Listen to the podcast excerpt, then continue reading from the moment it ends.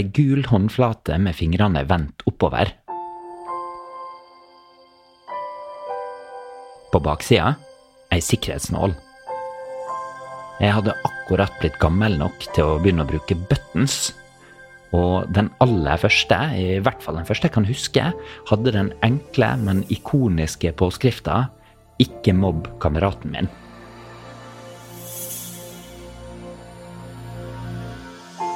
Ikke mobb kameraten min traff meg rett i hjertet. Skulle noen mobbe noen bare pga. hudfargen? Ikke min kamerat, i hvert fall. Og det var vi alle enige om. Det var kult å være antirasist.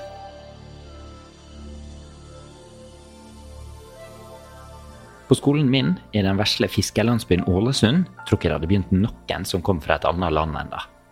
I klassen min var det riktignok én fra en annen by, men det blir ikke helt det samme. Det var 80-tallet. Norge var litt annerledes enn nå. Som eh, Thomas Hylland Eriksen har sagt det, de hvite var litt hvitere, og de svarte litt svartere. Jeg var glad i bøker, og det jeg husker som min største antirasistiske leseopplevelse, var Max Lundgrens bok 'Omin Hambe'. Boka starta med at elevene på en skole i Slettkjøping samla inn penger til uhjelp. Men de nøyer ikke seg med å sende pengene til Afrika. Den bruker dem til å kjøpe seg en egen neger. Og ikke lenge etter kom ei vesle Omin Hambe ruslende av toget i en altfor stor frakk. Boka er fra 1966, men den traff noe i meg 20 år seinere. Det her var ei bok som snakka samme språk som bøtten min. Ikke mobb kameraten min.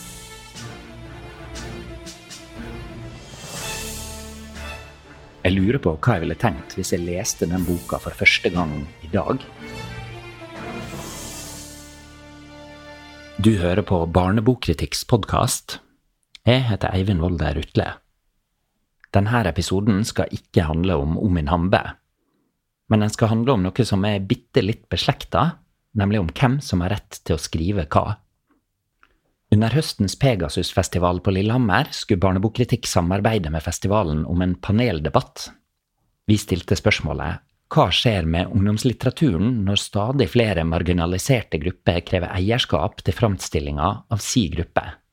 Men ettersom den andre bølga av koronaviruset bredte om seg, kunne ikke alle paneldeltakerne komme, og i stedet holdt litteraturkritiker Guri Fjellberg et foredrag der hun reflekterte over hvilke problem identitetsdebatten fører med seg.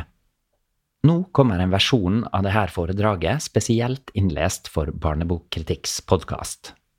I 2010 kom bildeboka Sitronlimonaden av Hilde Henriksen og illustratør Helena Olsson. I 2019 kritiserte samfunnsdebattant Mina Adampour utdrag fra denne boka for å virke rasistisk. I sosiale medier ble Hilde Henriksen stempla som rasist. Det fikk store konsekvenser, fordi hun jobber som lærer for voksne innvandrere.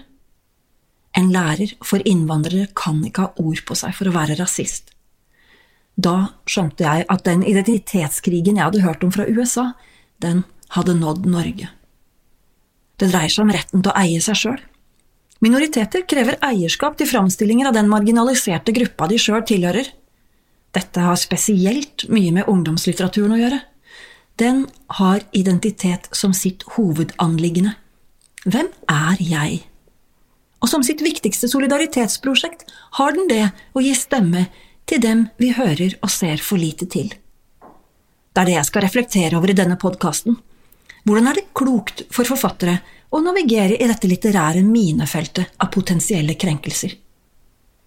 Da må vi til kjernen av hva litteratur er og gjør, og spørre grunnleggende spørsmål som hva er en krenkende framstilling? Hvor går grensen mellom å ansvarliggjøre en forfatter og å fordømme en forfatter? Hvor stor er den kunstneriske friheten? Og kan vi, som er kritikere, forfattere og formidlere, påvirke hvordan en bok blir lest?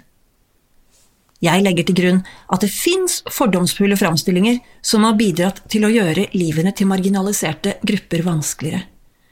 Samtidig fins det aksjoner for å stoppe nyanserte framstillinger av marginaliserte grupper, basert på både overfølsomme og misforståtte lesninger, hvis aksjonistene da i det hele tatt har lest boka. Husker noen det fotoet av Siv Jensen som poserer i indianerkostyme? Hun er på vei til høstfest i Finansdepartementet og la selv ut bilde på Instagram. Hun ser ut litt sånn som jeg husker Månestråle for tegneserien om Sølvpilen. Mørke fletter og hårbånd og frynsekjole med lærbelte i livet. I debatten som fulgte, hørte jeg for første gang uttrykket kulturell appropriasjon. Kulturell appropriasjon brukes om at noen fra en majoritetskultur tilegner seg biter fra en minoritetskultur. I utgangspunktet så handla det om økonomisk vinning, altså at jeg lærer meg å joike og tjene penger på å joike selv om jeg ikke er same. Nå brukes også uttrykket om å bruke biter fra en minoritetskultur på en undertrykkende måte, altså måter som minner om kolonialisme. Nedlatende måter. Siv Jensen. Hun ble beskyldt for å mangle respekt for urbefolkninger. Men bli med på dette tankeeksperimentet. Hva om barne- og ungdomslitteraturen er kulturell appropriasjon i sitt vesen?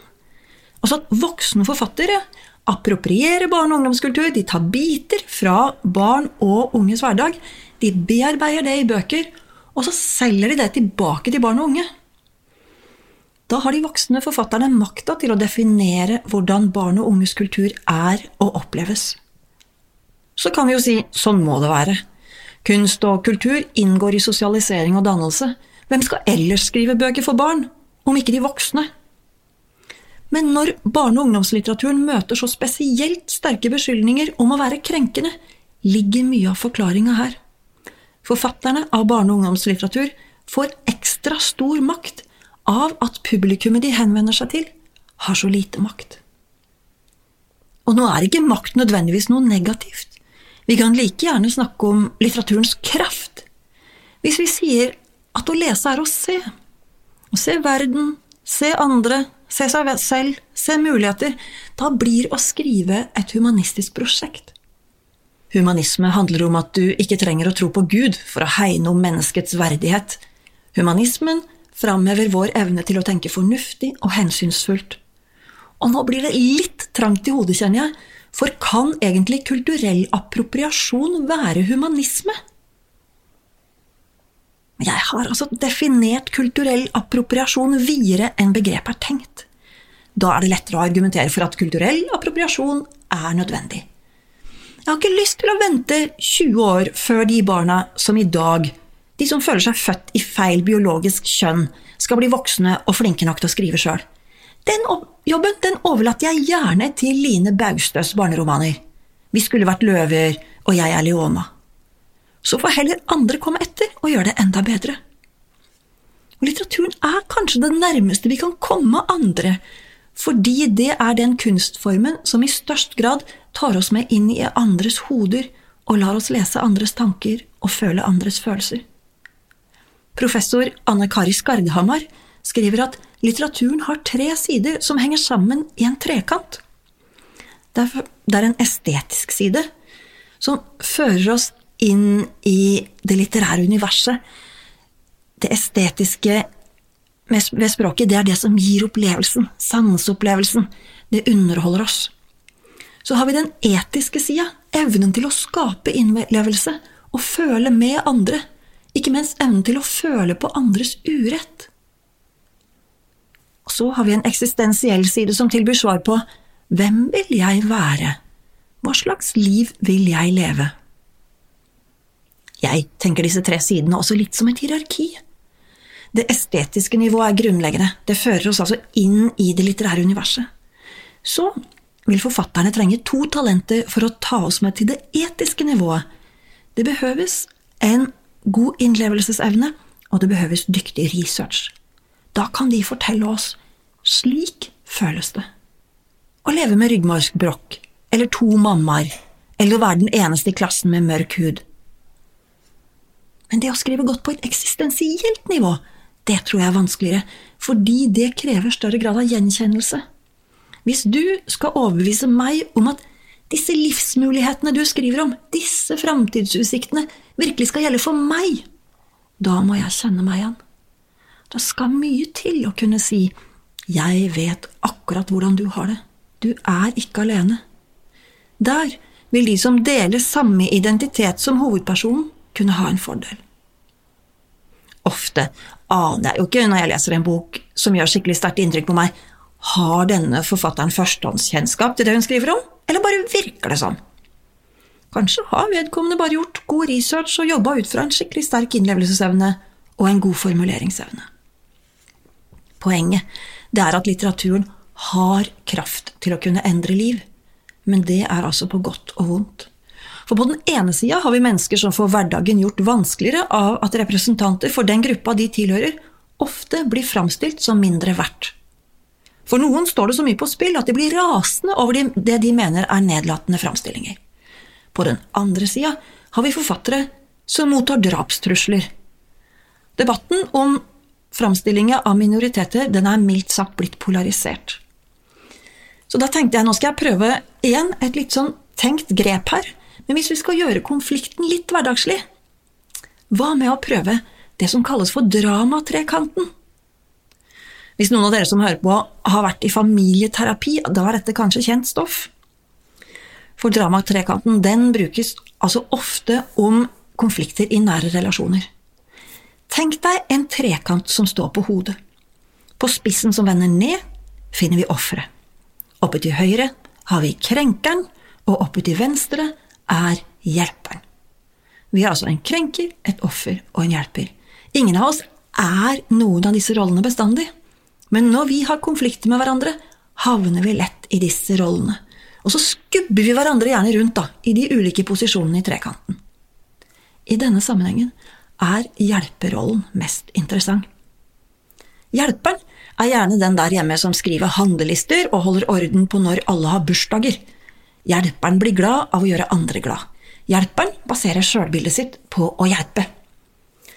Men når jeg som hjelper blir sliten, da kan jeg hoppe over i posisjonen til krenkeren og bli rasende for at ingen andre enn meg lager middag. Ingen andre enn meg ser alt som må gjøres klart til jul.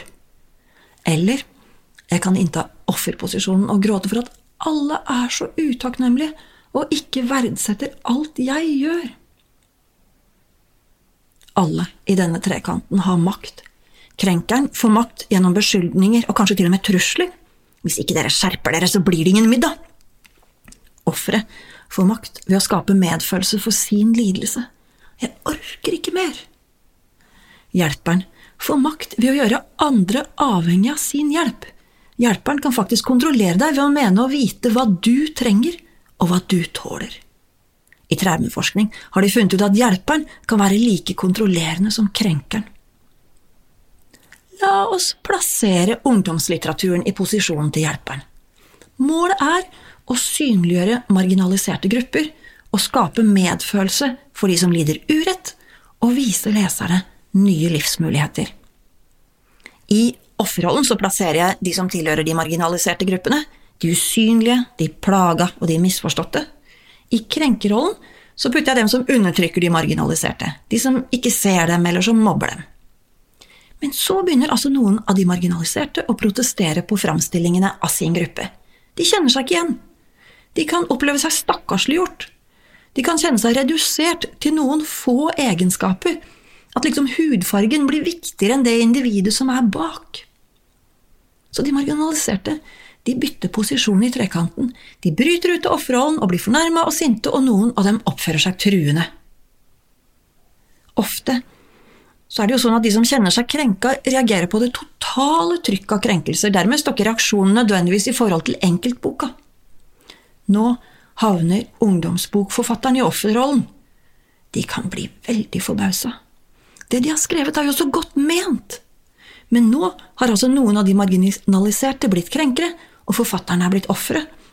Og i hjelperollen finner vi gjerne de andrehåndskrenkede de som reagerer på andres vegne, de som kommer med råd til forfatterne om hvordan de burde ha skrevet for ikke å krenke noen. Det gjør de gjerne helt uten forståelse for at alle bøker må ha en konflikt, ellers blir den helt uinteressant. Jeg syns likevel det viktigste her det er å problematisere forfatteren i hjelperollen. Men samtidig må jeg nok forkaste dramatrekanten. For det er noen vesentlige forskjeller mellom et parforhold og forholdet mellom en forfatter og en ung leser. Forholdet er ikke likeverdig. Forfatteren har mest makt. Det er ikke bare å si til leseren det du kanskje burde si til partneren din. Hallo, du har ansvar for dine følelser. Ja, men så skriv noe bedre sjøl, da. Kunst skal ikke skapes i et slags familieråd. Så jeg er ganske skeptisk til dette amerikanske konseptet der manuset sendes ut i kontroll hos såkalt følsomme lesere, sensitive readers. Noen av dem som har fått tilsendt manus, har så starta aksjoner mot boka i sosiale medier. Da når vi fort det absolutte lavmål av litterær debatt. Da kaster mange seg på for å stoppe denne boka, selv om de altså ikke har lest boka sjøl. I stedet for følsomme lesere så har jeg mer tro på å involvere noen flere konsulenter. Folk som kan bidra til å realitetsorientere forfattere som skriver om identiteter de ikke sjøl tilhører. Nå kan jeg skjønne deg de som kvier seg for det her, fordi det blir for dyrt, det blir for tidkrevende, eller det kan oppleves veldig invaderende å få andre synspunkter inn i din kreative fase. Men jeg syns generelt at norsk litteratur bærer preg av at det har vært litt for få folk involvert underveis. Så de som tenker at de ikke skal sende ut manuset sitt fordi de ikke vil være til bry, tenker jeg slutt med det. Vær til bry. Det fins viktige innspill der ute som dere ellers går glipp av. Og dette å sitte aleine med alt, det blir jo ikke noe enklere da, av at ingen er enige om hva en krenkelse er. Rent juridisk så handler det om å bryte en lov. Psykologisk så definerer det som noe som påvirker din selvoppfatning negativt.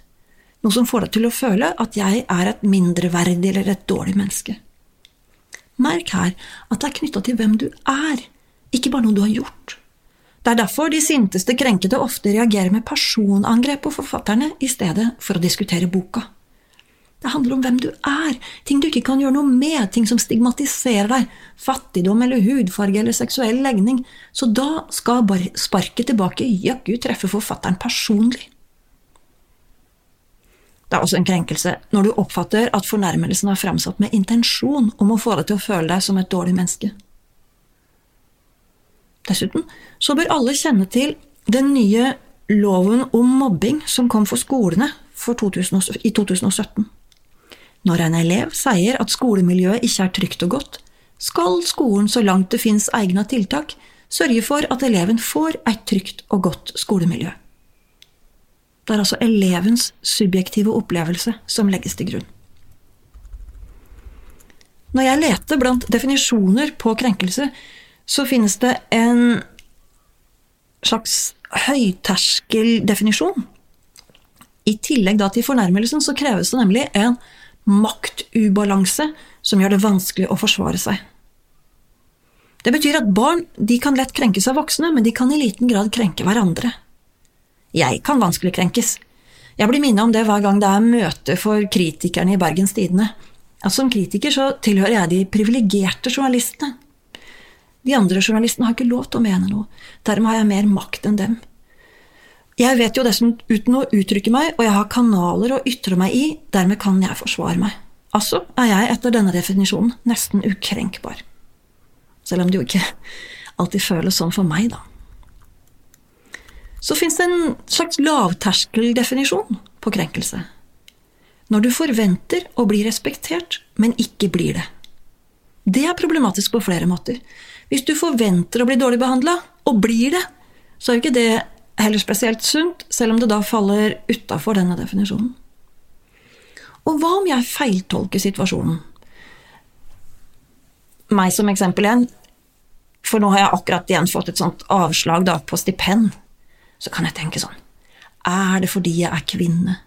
Er det fordi jeg bare holder på med barnebøker? Eller er det fordi prosjektet jeg søkte om støtte til, ikke er viktig nok? Kanskje har jeg stilt med urimelig forventning, alle kan jo ikke få. Men det er fort gjort da, å havne i den offerrollen og være såra og vonbroten. Er mine såre følelser Kulturrådets ansvar? Nei, ikke med mindre de faktisk systematisk forskjellsbehandler kvinner eller folk på barnebokfeltet. En sånn minimumsdefinisjon blir også vanskelig hvis jeg overreagerer. For min reaksjon står ikke nødvendigvis i forhold til det som har blitt gjort mot meg. Det er da det gjelder å ty til litt mer prinsipielle kriterier. Så da går vi til filosof Knut Løgstrup. Og her må jeg innrømme at jeg har fått litt hjelp. Jeg har fått hjelp av Knut Ims, som er professor på Handelshøyskolen i Bergen og underviser i etikk. Han sier at her må vi gå til Løgstrups etiske fordring. I vår sammenheng så vil han si at det er dømmekraft som kan hjelpe oss å navigere i krenkelser. Dømmekraft, det bestemmer han ved hjelp av tre knagger. Da sier han at det har med hvilken sammenheng krenkelsen har forekommet i. Det handler om det som kalles analogier, lignende tilfeller, og det handler om hvilke verdier som er i spill. Så da kan vi spørre oss Ser jeg helheten i det jeg reagerer på? Hvis vi nå tar sitronlimonaden, for eksempel, da, av Hilde Henriksen og Helena Olsson. Hva er prosjektet til forfatteren? Har hun en rasistisk intensjon? Har hun et ønske om å kritisere innvandrermødre? Er hun enig med hovedpersonen sin i at mamma er dum? Er det rimelig å lese denne ene mammaen fra Syria som representant for alle syriske mødre? Og hvis vi ser på lignende tilfeller, bygger denne framstillinga opp under en krenkende stereotypi av at syriske mødre er dumme, og hvis er det sånn at forfatter og illustratør burde kjent til tidligere problemer på feltet? Altså burde de visst bedre? Og når vi spør hvilke verdier som står på spill, ja, da blir det virkelig litt brennhett, syns jeg. For hele den kunstneriske friheten står jo på spill her. Og den friheten, det er en frihet til både å svartmale og skjønnmale. Det er en dramaturgisk nødvendighet.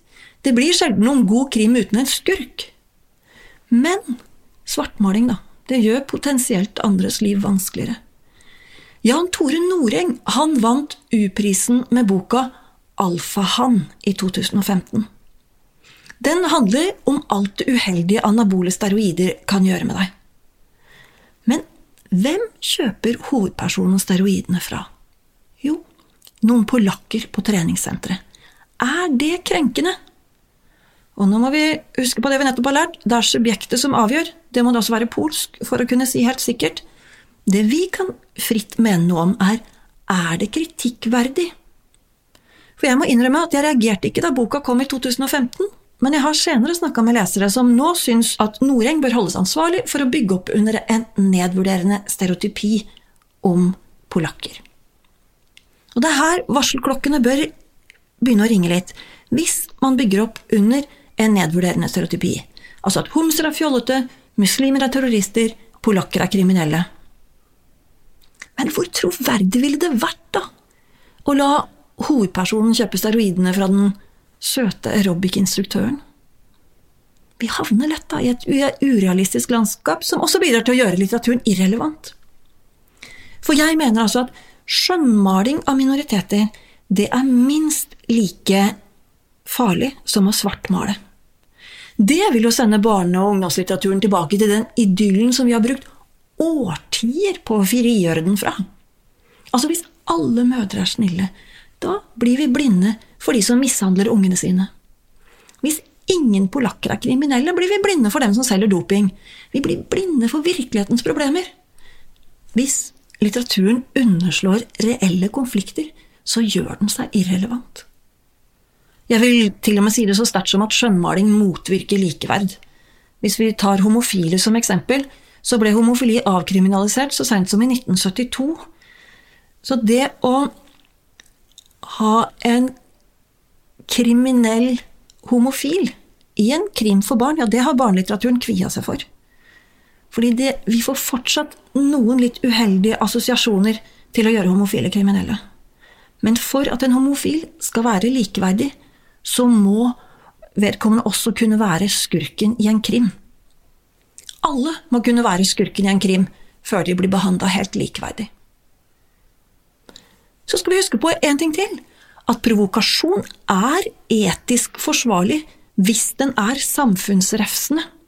Altså Hvis målet er å si at polakker på norske treningssentre de slipper for lett unna å pushe doping, så er Norhengs roman ganske treffende. Nå er det selvfølgelig lettere å si hvis han selv er polakk, for da går kritikken en rett linje mellom to parter med omtrent like høy status. Det er vanskeligere når en representant for en majoritet med makt kritiserer en representant for en minoritet med mindre makt. Og så er det jo et veldig sentralt spørsmål her. For er virkelig en polsk dopingcelle representant for alle polakker? Krenkelsesproblematikken hadde ikke funnes hvis ikke vi har en tendens til å lese én som representant for alle. Og når er det vi gjør det? Mustafas kiosk av Martin Jakob Strid er et interessant eksempel. Her oversatt av Erlend Lo. Det sies at Mustafa en gang har hugget hodet av en annen kar, så det falt av mens blodet rant. Alt tyder på at det er sant. Strid leker med stereotypien om at arabere er voldelige. I Sverige så ble reutgivelsen stoppa. I Norge så tror jeg den er ute nå i fjerde eller femte opplag. Leser ikke vi i Norge Mustafa som representant for alle. Få sider senere så blir det enda mer interessant, for der skyter grønnsakshandler Grønn vilt rundt seg på torget med pistol. Han representerer tydeligvis ikke alle norske terrorister, bare seg sjøl. Jeg tenkte først, jo mer stereotyp framstillinga er, desto lettere er det å lese én som representant for flere. Men det er jo ikke sant, for grønnsakshandler Grønn er jo minst like stilisert og typete framstilt som Mustafa. Likevel så leser ikke jeg ham som representant for terrorister. Og det er jo fordi jeg ikke har et stereotypt bilde av grønnsakshandlere som potensielle terrorister. Her bygger ikke strid opp under en etablert, nedlatende stereotypi. Husker noen Johannes Jensen opplever et mirakel av Henrik Hovland og Toril Kove? Dere vet han er litt forsakte krokodilla som jobber på ligningskontoret i Oslo. Kjæresten Frida blir gravid.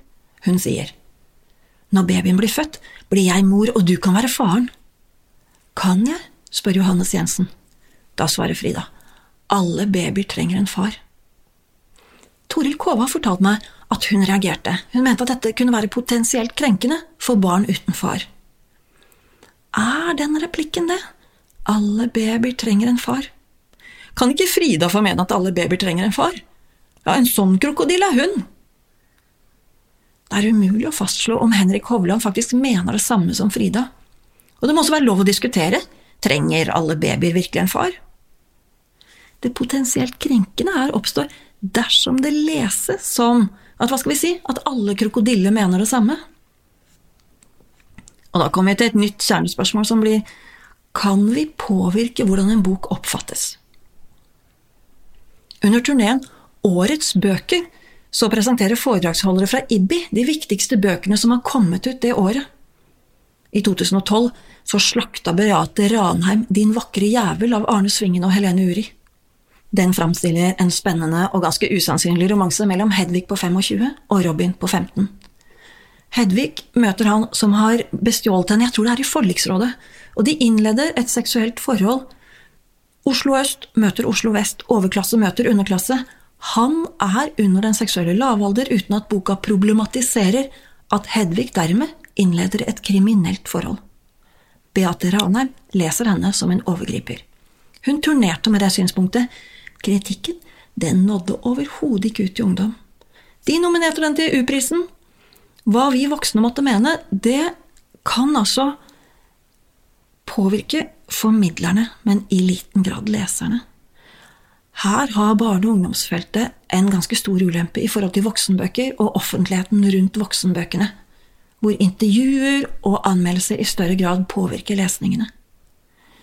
I barne- og ungdomslitteraturen så tror jeg at hvis du skal påvirke lesninga, så må du gjøre det i selve boka. Da er det forfatteren som må gjøre det.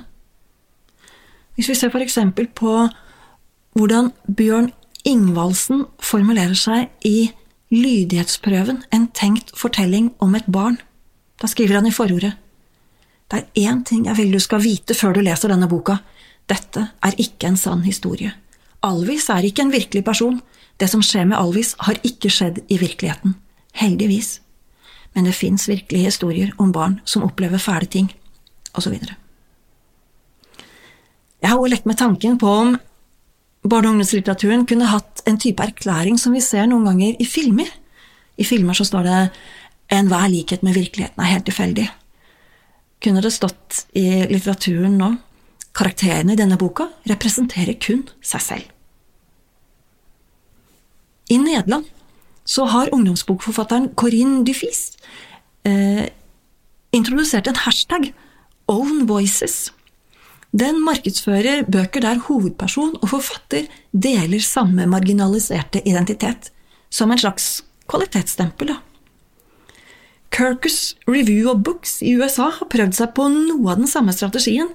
De matcher identiteten til hovedpersonen og kritikerens identitet. Jeg vil si ja når det å gjøre oss kjent med en fremmed identitet er bokas hovedanliggende. Hvis poenget er å vurdere om forfatteren har greie på det hun skriver om, eller bare later som.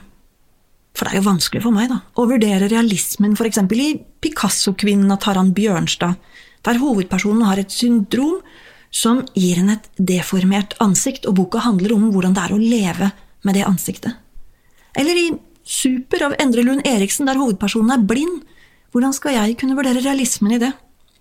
Barnebokkritikk prøvde seg på en sånn matching av kritikerens identitet med hovedpersonens identitet da vi anmeldte ungdomsromanen Fittekvote av Aksel Helstenius og Morten Skårdal. Det er altså to menn som skriver om å være kvinnelig befalsaspirant i Forsvaret. Den ene er spenningsforfatter, den andre er yrkesbefal. Jeg anmeldte den boka sammen med en kvinnelig tidligere fenrik, og vi konkluderte med at den gir en realistisk framstilling av hva som kreves for å bli befal i Forsvaret, men vi syns at framstillingen av kvinnerollen var diskutabel. I dag ville jeg nok til og med kalt den litt stereotyp. Men jeg er altså veldig for å involvere andre i mine anmeldelser. Jeg tror mer på en flerstemmig kritikk da, enn å la denne tidligere fenriken skulle la henne skulle anmelde den boka aleine. Det er ikke fullt så relevant å vurdere om forfatterne bare later som når de selv sier at de bygger på egne erfaringer. Og ofte kan jeg jo ikke vite helt sikkert. La oss si en forfatter skriver om vold i nære relasjoner. Selv om jeg til og med skulle ha en tilsvarende erfaring sjøl, vil den like gjerne kunne være en feilkilde som en hjelp. Det finnes jo flere måter å oppleve vold og reagere på vold på. Min erfaring kan ikke opphøyes til målestokken. Og hvis kritikere og hovedperson skal dele identitet, kan vi like godt få en veldig snever kritikk. Da går vi glipp av verdifulle blikk utenfra. Men i min sjølransakelse så har jeg kommet fram til at eh, det å bedømme troverdigheten i en framstilling, det kan jeg trygt gjøre. Troverdighet er jo nesten et religiøst spørsmål, det er et spørsmål om tro. Tror jeg på dette? Og det å oppleve og forstå mer av hvordan det føles, altså slik føles det å være i situasjonen til den andre. Som kritiker kan jeg også skjerpe meg når jeg bedømmer hvor representativ en framstilling er. Jeg kan slutte å spå om hvor mange som vil kjenne seg igjen. Hvem er jeg til å fastslå sikkert at dette er en bok som egner seg til å si 'du er ikke alene'? Det jeg kan si, ja, det er at jeg håper de leserne det gjelder, vil føle seg sett og forstått. Jeg ønsker meg også litt hjelp av formidlere og lærere. Kanskje de kan hjelpe til å lære leserne å skille mellom fortelleren i boka og forfatteren. For jeg tror det krever en moden leser å forstå at forfatteren kan være uenig med hovedpersonen sin. Det er ikke sikkert at Henrik Hovland mener at alle babyer trenger en far, selv om han lar Frida si det. Og til slutt, et brennende spørsmål. Er noen enig med meg i at det kan behøves en norsk barne- eller ungdomsroman som er kritisk til omskjæring av jenter?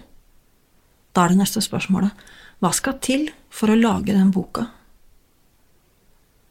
Vi kan håpe at forfatterutdanningene slipper til noen minoritetsstemmer som har dette temaet på agendaen. Vi kan håpe at forlagene ansetter mer mangfoldige redaktører som vet å verdsette manus som omskjæring. Vi kan håpe at Fagforeningen for norske barne- og ungdomsbokforfattere blir mer bevisst på hvordan de skal oppmuntre forfatterne til å være modige.